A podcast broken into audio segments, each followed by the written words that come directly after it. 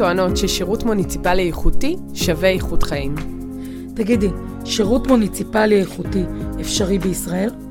בפודקאסט שלנו נפצח את תחום השירות, מיתוסים, חסמים והצלחות, לטובת שימור והנגשת הידע שמפותח במפעם עבור הרשויות המקומיות. אז בואי נתחיל. יאללה.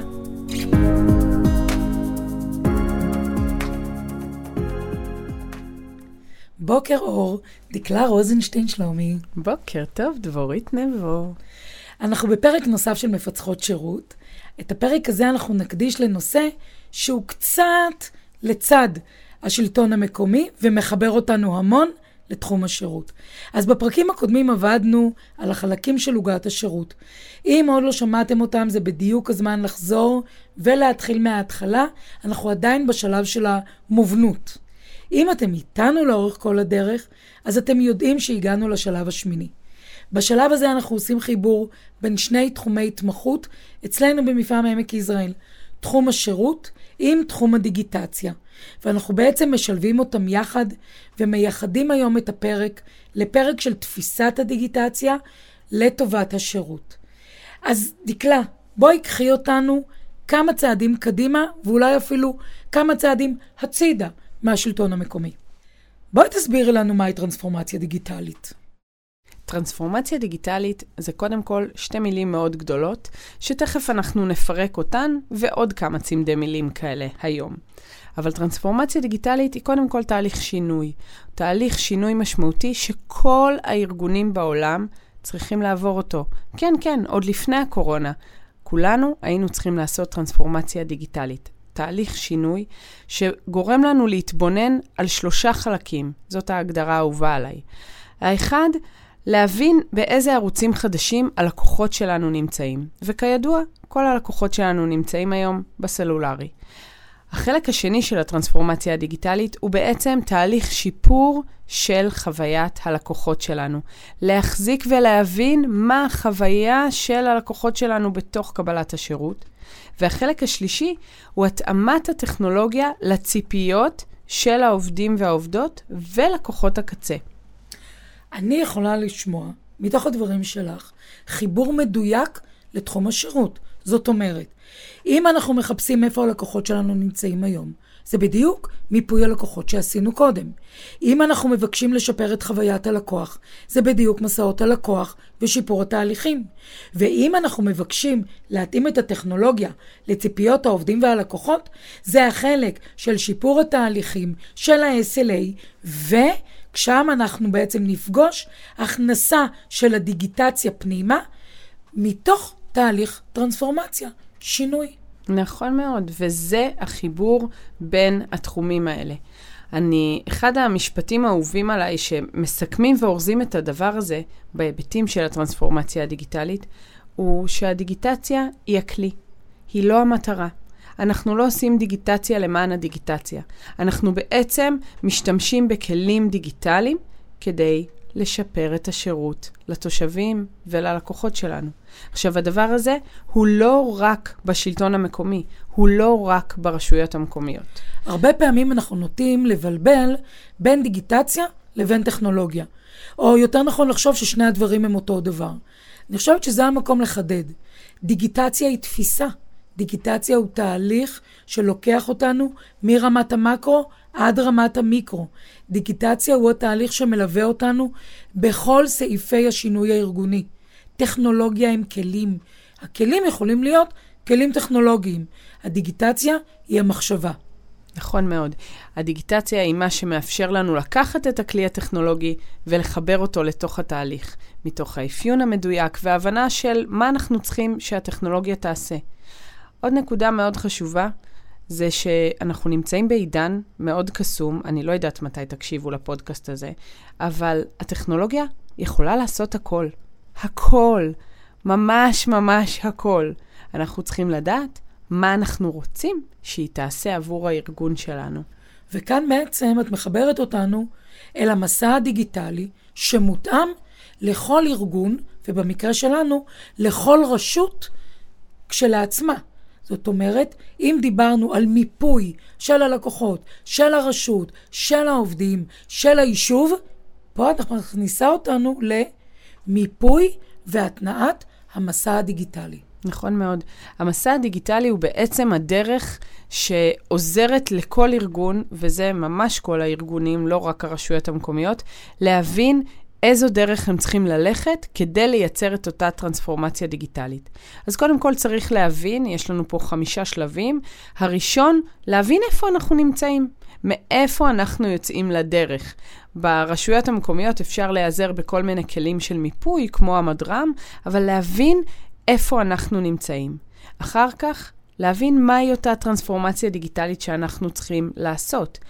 איפה הלקוחות של הארגון שלנו נמצאים, איזה חוויית לקוח של לקוחות הארגון שלנו נדרשת להשתנות, ואיזה ציפיות אנחנו פוגשים טכנולוגיות של העובדים ושל הלקוחות בארגון שלנו. זה הזמן לחבר אותנו בדיוק לאותו מיפוי שעשינו קודם. וכאן זה המקום אולי להמליץ שכשאנחנו עושים את המיפוי, עוד בשלבים הראשונים, נכניס פנימה לראש את ההבנה ששם אפשר לעשות גם את המיפוי הדיגיטלי.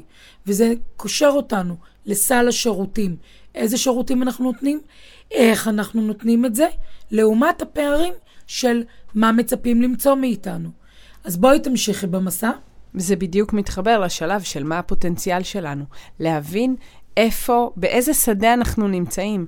למשל, אם רוב לקוחות הקצה שלנו לא מחזיקים בטלפון חכם, אז אנחנו צריכים לייצר כלים או תהליכים שיפגשו אותם במקום שבו הם נמצאים. זאת אומרת, מה ההיקף, מה הפוטנציאל שלנו. השלב הבא הוא ההבנה של מהי תהיה אותה בגרות דיגיטלית, אותו שלב אידיאלי עליו אנחנו רוצים להגיע. ושני השלבים האחרונים הם בעצם המודל העסקי והמימוש וההטמעה. אני מזכירה לכם שזה מודל שמדבר לכל הארגונים, ולכן גם הרשויות המקומיות לא להתגרד מהמילים מודל עסקי, אלא להבין שזה בעצם ההתבוננות על מה הארגון שלנו עושה, ואיך אנחנו יכולים לממש ולהטמיע את התהליך הזה. אגב, שני השלבים האלה הם אינסופיים.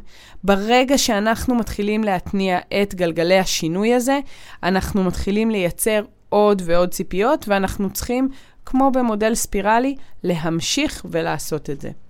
כשאנחנו אומרים מודל עסקי ברשויות, אנחנו צריכים לזכור שגם לרשות עצמה יש מה להרוויח מתהליך דיגיטציה. זאת אומרת, הרווחים לא יהיו רווחים פיננסיים, אבל בהחלט לרשות יש רווחים שבעזרת הטרנספורמציה הדיגיטלית היא יכולה להשיג, כמו למשל מידע, כמו למשל פרסום, כמו למשל שיווק. אלה רווחים שיכולים להגיע אפילו הון פוליטי. אני יכולה להוסיף פה גם את ייעול התהליכים. בדיוק כמו ששיפור איכות השירות היא תהליך ארגוני, גם הטרנספורמציה הדיגיטלית מייצרת לנו תהליך שבסוף גורם לרשות המקומית לעבוד באופן יעיל יותר, לשאול את השאלות הנכונות, להתלבט בנקודות הרלוונטיות ולעשות קפיצת מדרגה. אוקיי, הבנתי. את מדברת על עיר חכמה. לא, לא, לא. עיר חכמה או ערים חכמות זה מונח שטבעו הספקים. אנחנו יודעים שבשוק הזה יש הרבה מאוד חברות טכנולוגיה שמנסות למכור חלום לרשויות המקומיות בעיקר. בואו תהיו ערים חכמות, ימת שירות, העיר החכמה שלכם. כולנו רוצים להיות חכמים יותר, יפים יותר, צעירים יותר, אבל לא. אז uh, ערים חכמות, בואו נשים את המונח הזה בצד ובואו נדבר על ערים דיגיטליות או רשות דיגיטלית, כי יש לנו גם מועצות מקומיות ומועצות אזוריות. רשות דיגיטלית יש לה חמישה מאפיינים עיקריים. קודם כל, היא נוהגת באופן שקוף ונותנת מידע פתוח. היא תומכת בעסקים שלה. היא מאפשרת שירותים מקוונים. היא נותנת מידע בזמן אמת, והיא מאפשרת השתתפות של, של הציבור. לא רק שיתוף, אלא השתתפות, engagement, כזה ששומע את כל הצדדים. בתיאור של הפרק אני אשים לכם ממש את הקישור למחקר. זאת אומרת שזה יכול לקחת אותנו ולעזור לנו לחשוב כשאנחנו מתכננים את ערכי השירות. כי אם אנחנו יודעים למשל על שקיפות, או אם אנחנו יודעים על השתתפות, זה יכול להיות בסיס משמעותי בפיתוח של השירות, שייקח אותנו אחרי זה גם לתוכניות העבודה. נכון מאוד, זאת בעצם השכבה הנוספת שצריכה להתחבר לאסטרטגיה ולתוכניות העבודה בכל מקום. כדי לייצר רשות דיגיטלית, אנחנו מדברים על כמה דרישות פנים-ארגוניות שצריכות לקרות. הראשונה והחשובה ביותר היא מנהיגות. אנחנו צריכים לראות מנהיגות ומנהיגים, ראשי רשויות, מנכ"לים ומנכ"ליות, שאומרים, I do, זה הדבר החשוב. הרשות שלנו צריכה להיות רשות דיגיטלית. שזה מחזיר אותנו למקום של מחויבות ההנהלה ורעב אמיתי לשירות. נכון מאוד. כדי לתמוך בדבר הזה, אנחנו צריכים אסטרטגיה. שלוקח אותנו גם לאסטרטגיית השירות שאותה בנינו ופיתחנו. נכון מאוד. הדבר הנוסף שאנחנו צריכים לראות כדי לקיים רשות דיגיטלית זה מבנה ארגוני ייעודי לקידום הנושא. שאצלנו אמרנו שיש מנהל או מנהלת שירות וועדת היגוי שמובילים אותנו לכל רוחב הארגון. נכון, בחלק של טרנספורמציה דיגיטלית ורשות דיגיטלית זה מורכב יותר.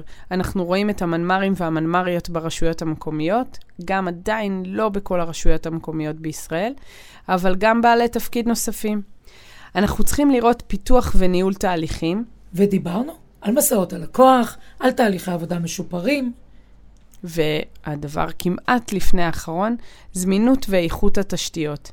אם אין לנו כלים טכנולוגיים ואין לנו אפילו וי-פיי בסיסי, איך נוכל לעשות את זה?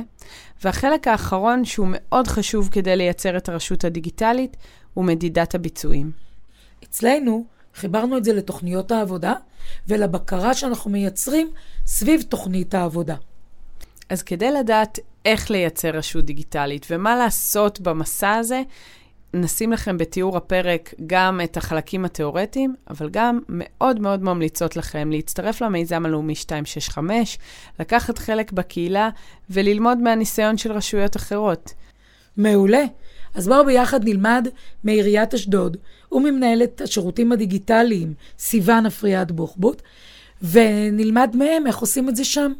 בוקר אור סיוון, שמחות מאוד שאת איתנו. בוקר טוב, אני שמחה ונרגשת להצטרף לדבורית ודקלה, צוות האלופות, שבאמת אה, עושות אה, הרבה כדי לבוא ולקדם את הרשויות ולעשות שיתופי ידע אה, בין כולם, אז אני באמת שמחה להצטרף.